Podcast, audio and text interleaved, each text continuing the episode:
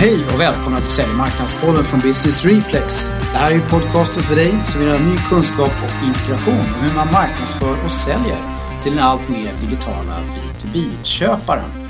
Och jag som sitter bakom micken här idag heter Lars Dahlberg och med mig har jag min eh, kära kollega. Anders Hermansson. Ja, här- Hör och häpna! nu sitter vi här igen. Ja precis, det, det här är, eh, det här är en, en eh, Lucia-podd. Det är det, precis. Vi borde ha haft pepparkakor och fika och sånt där och lussebullar och det. Men vi kör den sparsmakade varianten. Vi Vi, pra- vi pratar om pepparkakor istället för att äta dem. Kanske är bättre också för lyssnarna. Ja, det är bra.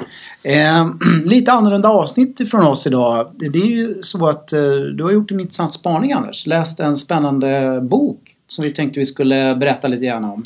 Vi fick lästips av våran kompis eh, Karin Edström. Som eh, har läst eh, en bok som heter The Membership Economy. Och Mm. den har jag också läst nu. Eh, På det sätt man gör. Man skummar igenom, man kollar alla avsnitt och får en, en bra förståelse för boken i sig. Jag har inte läst varenda sida uppifrån och ner men jag tycker boken är jäkligt intressant alltså. Dels ämnet i sig. Om den här medlemsekonomin. Eh, Och sen så eh, är det eh, även boken, om man ska ge någon form av liten recension, så är det ju den är ju otroligt praktisk upplagd. Så den är så här, gör så här.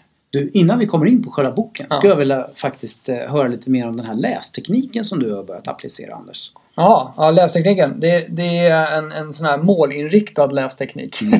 Då blir det så här, okej nu har jag den här boken framför mig. Jag kan säga i bjärt kontrast till min gamla lästeknik som var Ja, men titta här, här har vi en bokstav upp, längst upp i vänstra hörnet. Jag börjar där. Ja, Och så läser jag spännande, och så alla... läser man och läser. Ja, och så tröttnar man efter två år. För man orkar liksom inte igenom boken. Man läser så himla noggrant. Från början till slut. Och i den här moderna digitala världen som du och jag befinner oss i så är det ganska mycket litteratur och böcker vi behöver plöja, eller hur? Ja, exakt. Och då, då så faktiskt är det så här. Det här är också en, en grej. Man, man lyssnar ju på mycket podcast och det här är ju ett tips från eh, Damien Farnsworth. Eh, som eh, har blogg eller podden Rough Draft. Han är riktigt bra för de som vill lyssna på. En riktigt bra podd om, om eh, copywriting. Ja, då ska vi säga han är nörd på copywriting. Verkligen. Eh, Supernörd. Ja. Så det är bra och intressant att det kommer hur man läser böcker kommer som ett tips ifrån en lirare som skriver böcker. ja, verkligen. Så det, det är väl bra. Okej, men, men, Men i alla fall, själva, te- själva Ja. tekniken är, är att man, man är väldigt målinriktad när man sätter igång och läsa boken. Man tänker, okej, vad ska jag få ut av att läsa den här boken? Och så siktar man på det målet och säger att man har en, en limit på fyra timmar. På fyra timmar ska jag lägga ner på den här boken. Den är 300 sidor. Nu kör vi. Och sen så börjar man verkligen plöja den för att hitta fram till det värde som man vill få ut av boken. Så det, det är väl på så sätt jag har tittat på den här boken. Jag, vill, jag ville säga att mitt mål var att sätta mig in i ämnet bara för, för vårt eget företags skull och för våra kunders skull för att se hur man skulle kunna applicera det här med, med den medlemsekonomin som vi alla faktiskt är delar av redan på eh, business to business företag och eh, så. Så det var mitt mål. Vad skönt då. Ja, Mm. det är bra. Då, då fick den här tekniken lite nytta. ord. Ja, precis. Vad, vad går den här boken ut på då? Vad är själva grejen då? Ja, men det är ju... eh, om vi tittar på medlemsekonomin så är det ju så att man går ju ofta nu från ägande till att ha access till tillgång till en tjänst eller till produkter också. Alltså, jag, jag själv, det var inte- stod inte så mycket om i boken, men så bilpool är ju ett sätt. Man är medlem i en bilpool för att man behöver bil då och då. Snarare Mm. att man köper, köper en bil och har den stående på parkeringen 98% av dess livslängd. Men sen så hörde jag också någonting om att BMW har ju sagt att de kommer i framtiden att eh, de har liksom i sin affärsidé framöver att sälja varje bil tusen gånger som de säger. Snarare än att sälja tusen bilar. Mm. För de ser också att det, det är ju ett otroligt slöseri på det sättet som vi om man tittar på bilindustrin i sig då. Det är slöseri att hålla på och producera så mycket bilar som står så himla stor del. Alla bilar borde vara taxibilar. Ja, det är roligt för det här hänger faktiskt ihop med eh, vad en av våra kunder pysslar med. Eh, Det här med cirkulär ekonomi. ja, du Så det är ser. jättespännande. Ja. Ja, men då förstår vi vad det handlar om. Medlemsekonomi. Ja, precis. Man delar på grejerna. Och den här boken eh, den, den tar upp det här på ett väldigt pragmatiskt sätt och, och pratar om massa strategier för hur man ska få till det här. Då, då. Och man kan ju titta på som, som företag så, så hävdas det väl i boken mer eller mindre att alla företag borde kunna konvertera till att bli medlemsekonomier. Eh, det finns säkert massa undantag där man säljer kärnkraftverk. Jag vet inte. Men i och för sig, man kan ju hyra ut sådana kärnkraftverk. Folk kan bli medlemmar i kärnkraftsklubben. Jag vet inte. Men det finns säkert bolag där det här inte går. Men, men väldigt många bolag eh, kan konvertera sin affärsmodell till eh, en, en medlemsekonomi. Det de tog ganska tidigt i boken det är så här, det är ju, eh, då tänker man på att det är prenumeration. Mm. Men prenumeration är ju en typ av affärstransaktion. Mm. Så bara för att man erbjuder sina produkter på prenumerationsbasis så innebär det inte att man automatiskt blir ett medlemsföretag. Utan det här ligger mycket djupare i kulturen på bolagen och inställning man har till sina kunder. Att man Okej. ser kunderna som medlemmar i en klubb och de ska man ta hand om och konstant erbjuda värde. Mhm. Istället för att man bara konverterar kanske en stor upfront investering till en, en investering som man, som man eh, så att säga, tar betalt för över tiden. För då är det nästan som ett leasing, leasingupplägg så att säga. Okej, så det, Det är en transaktion med en, med en utsträckt finansiell eh, upplägg. Det här är någonting annat. Det här är en mycket djupare, ehm, eh, djupare förändring i tänket som man har ifrån företaget. en värdeskapande community Ja, det blir som en man driver väldigt ja, aktivt. Precis. Eh, så att, så att det, det är skillnaden mellan, mellan prenumeration och affärsmodellen som bygger på, på medlemskap. Då då. Eh, och jag skulle säga fördelar med det här det är ju att man har en stadig och jämn inkomst. Det bygger Mm. på prenumerationsupplägget för det, det sitter ju ofta ihop med, Mm. med att, att medlemmarna betalar löpande för sitt medlemskap i den här klubben. Då. Eh, och sen så om man ser, om man går vidare då från, från bara prenumeration till medlemskapet så blir det ju, om man lyckas med det här så får man ju mycket mer engagerade kunder. Mm. De blir ju engagerade i det här varumärket. Alltså det finns, det här med medlemskap och den, den synen på saker och ting är lite vanligare, har varit vanligare hittills inom non-profit att folk engagerar sig i i sin, inte vet jag, bokklubb eller Ja, sin något- något charity. tror på. Ja, sin lokala liksom. charity eller något sånt där, precis. Eh, Men det här kan mycket väl överföras på många fler eh, kommersiella områden. Då då. Eh, Så man får ju väldigt hög engagemangsnivå från, från kunderna och medlemmarna. Eh, Och eh, skulle jag säga i förlängningen så blir det ju så att de rekommenderar ju då andra att komma med. Mm. För det är ju by default är det så att om de gillar sin klubb, om man gillar någonting och man är med där över en längre tid, ja då kommer man ju rekommendera andra att gå med också. Så det finns, eh, med den här modellen så finns det uppenbarligen en hel del intressanta ja, affärsmässiga fördelar. Det, Det, det ska jag Eh, absolut säga. eh, Som, som i sig kan vara väldigt intressanta om man skulle vilja satsa på det här. Ja. Och, och, eh, och varför det här exploderar just nu, det har ju funnits medlemsföretag under lång tid. Men varför det här exploderar just nu eh, så är det, eh, det, det drivs som så himla mycket annat av den här digitaliseringen.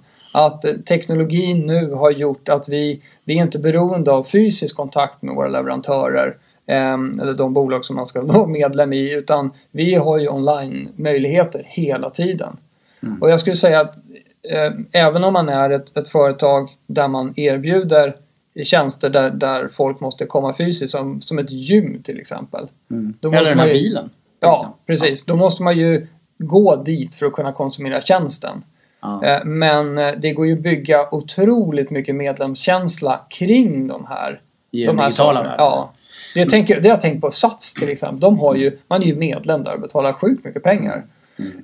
Eh, och vad lite de har gjort på den digitala sidan. De har ju en app och de har en webbsajt. Man kan boka sina klasser och sånt där. Men shit, de skulle Ja. kunna, man skulle kunna Ja. skapa träningsteam och massa grejer. Ja, det, är, alltså. det är lite gammalt tänk där. Absolut. Ja, jag Men skulle ju säga det. eh, medlem på SAT. Men sen har du en annan, en annan grej. Det är ju en sån här online-community som är helt digital. Mm. Folk som, som går med, där det finns så mycket värde i att vara med i den här communityn att man betalar för det.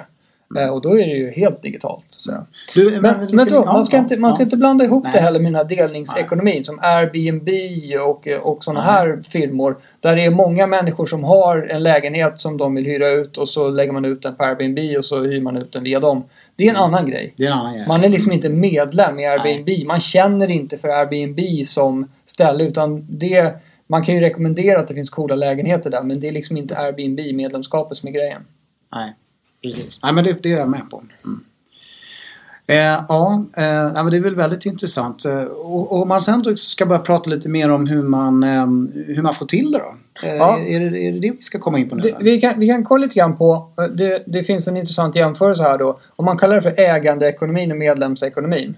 Så Mm. är det så här, okej vad är det för vad är det för någonting man kan erbjuda kunderna över tiden i en ownership-ekonomi, en ägandeskap-ekonomi? Och då är det någon form av cross-sell, att man kan sälja på dem ytterligare grejer. Om man har skapat en relation så kan man få sälja andra grejer till dem som man har på hyllan. Eh, och eh, det andra i medlemsekonomin, det motsvarande, det är ju då att man kan uppgradera till ett mer avancerat medlemskap. Eh, eller erbjuda dem nytt värde i form av add-ons. Mm. Så att man, man berikar deras medlemskap istället och gör det. Så att man satsar inte på andra som vanliga transaktioner inom ramen för det här medlemskapet utan man bygger hela tiden på att medlemskapet ska bli mer värt. Det är liksom de två olika sakerna då. då.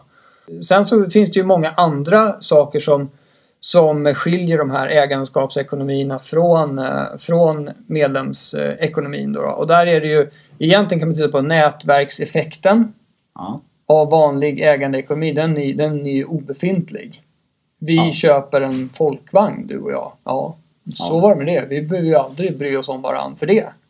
Nej. Medan som vi är medlemmar i den här, i den här klubben. Mm. Då, då är det så här, ja men då är ju vi, det är helt kritiskt att, Mm. att den här klubben finns och att vi trivs i den. Så, så Mm. det, det är någonting som är väldigt, väldigt duktigt. Och, och sen så finns det, i boken pratar man om prissättning. Att eh, i ägandeekonomin så är prissättningen kostnadsbaserad. Att det, det kostar så här mycket att producera en folkvagn och vi behöver ha lite grann på toppen så att vdn ska få lön också. Då kommer en folkvagn kosta så här mycket. Så var det med Mm. Det. Ja, medans, medans de- Cost-based pricing heter det Ja, faktiskt. exakt. Så medan, medans man, det är den dominerande modellen i ägandeekonomin eh, där man hela tiden utgår från sin egen kostnadsstruktur så kan man ju med de nya digitala teknikerna om man har en mer sån baserad en, en, en, då kan man basera sin prissättning mycket mer på värdet som, som köparna får ut av leveransen av produkten eller tjänsten. Så det är också en, någonting som skiljer väldigt mycket då. Det är lite grann inbyggt i systemet från början att man har tänkt så när man har skapat sådana här. Att man Ja. utgår från det. Ja, Det finns ju vanliga traditionella företag som försöker frångå eh, den här cost-based och gå över till den här value-based också. Men här har man tänkt så från början. Ja, för det är hela tiden i, i, um, i den här cost-based eller ownership-ekonomin då, då är det ju en pryttel som man ska få betalt för i en transaktion. Mm. Och då gäller det att man får ut rätt pengar i den transaktionen för sen har man ju liksom, sen är man ju rökt. Det var ju den, det var det det. Fick man negativt täckningsbidrag då, ja, då fick man det. Ja. Så det är svårt att gå tillbaks. Det, det är en annan sak, det är det här med produktinnovation. Där är det ju så att i den här eh, ägandeekonomin där man vill sälja det man har så länge som möjligt och sen komma ut med en ny produkt. Mm. Så man vill ju inte avslöja för någon att man har något nytt på gång förrän man har det. Och helst ha tömt lagret på de gamla grejerna. Ja, ja. Annars så bara dör ju hela, hela så att säga, det lagret av befintliga prylar. Så då måste man göra någon så här big reveal, kallar man för lansering. Tada! Så man forskar och utvecklar i sitt mörka labb. Med s- som bakom stängda fönster så här, eller vad heter neddragna rullgardiner. Och sen så bara lala så, så lanserar man det här och hoppas att alla ska bli skitnöjda. Medan i den medlemsekonomin där är ju alla uppkopplade hela tiden och med hela tiden. Så där utvecklar man sin produkt. Man releasar små nya saker varje vecka eller varje dag. Som gör hellre det för att man kan inte komma med stora nya releaser för sina medlemmar för då blir de vilsna. Mm. De måste hela tiden känna, känna att de hänger med. Det är mjukt och mysigt i de Det här. är en mycket mer mjuk, mjuk och mysig innovationscykel liksom, cykel där. Så det är låter ju det. väldigt trevligt vara med Ja, för den här exakt. mörka labben. Ja, precis. Och sen har man ju, sen har man ju då själva relationen mellan, det, det vet vi ju som vi har jobbat inom business to business många gånger med traditionell säljmodell. Att det är klart att man ska ha account management och man ska, man ska eh, så att säga, ta hand om kunden under lång tid och allt det där. Som man inte gör. För man vill ju jaga in sina affärer och så bara pang! Där satt den! Helst innan slutet på kvartalet. Och sen följer den kunden ner en aning på, på liksom prioriteringslistan kan man ju säga.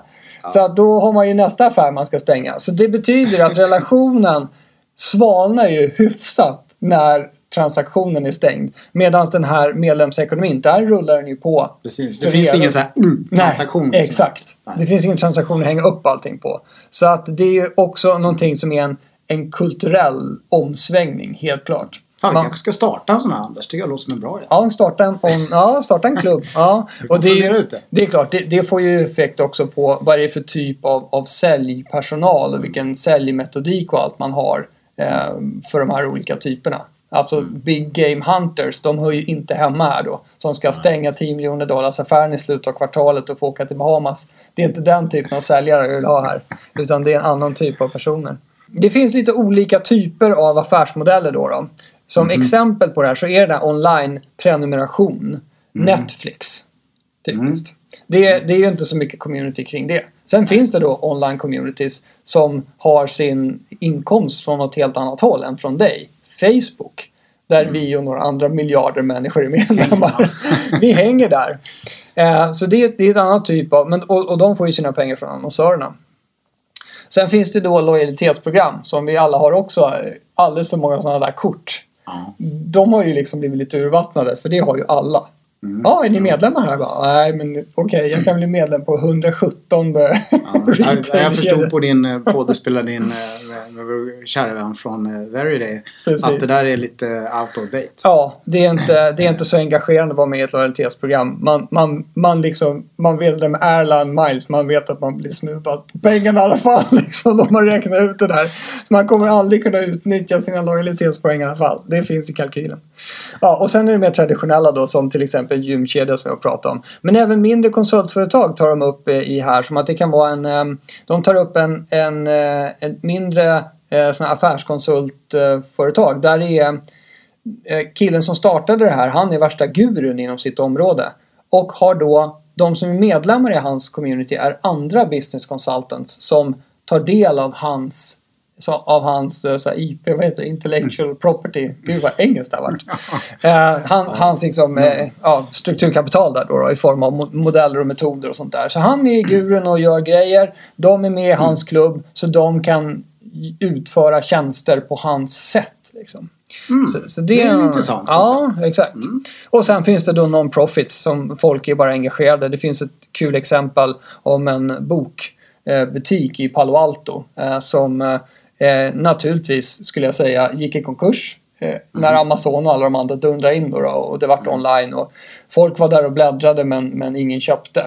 Och sen till slut så bara dog den. Gud, men, men, men, Begagnade gre- böcker. Ja, men grejen var den att det fanns, det fanns så många människor som gillade den där bokaffären. Så när den slog igen portarna så vart det ju det vart ju liksom uppror.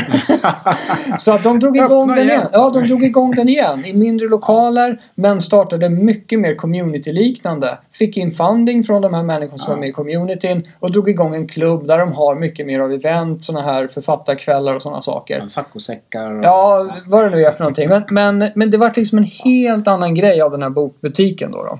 Men det kunde det bara bli för att de har ju varit schyssta och bjussiga under, under åren. Så att folk gillar dem.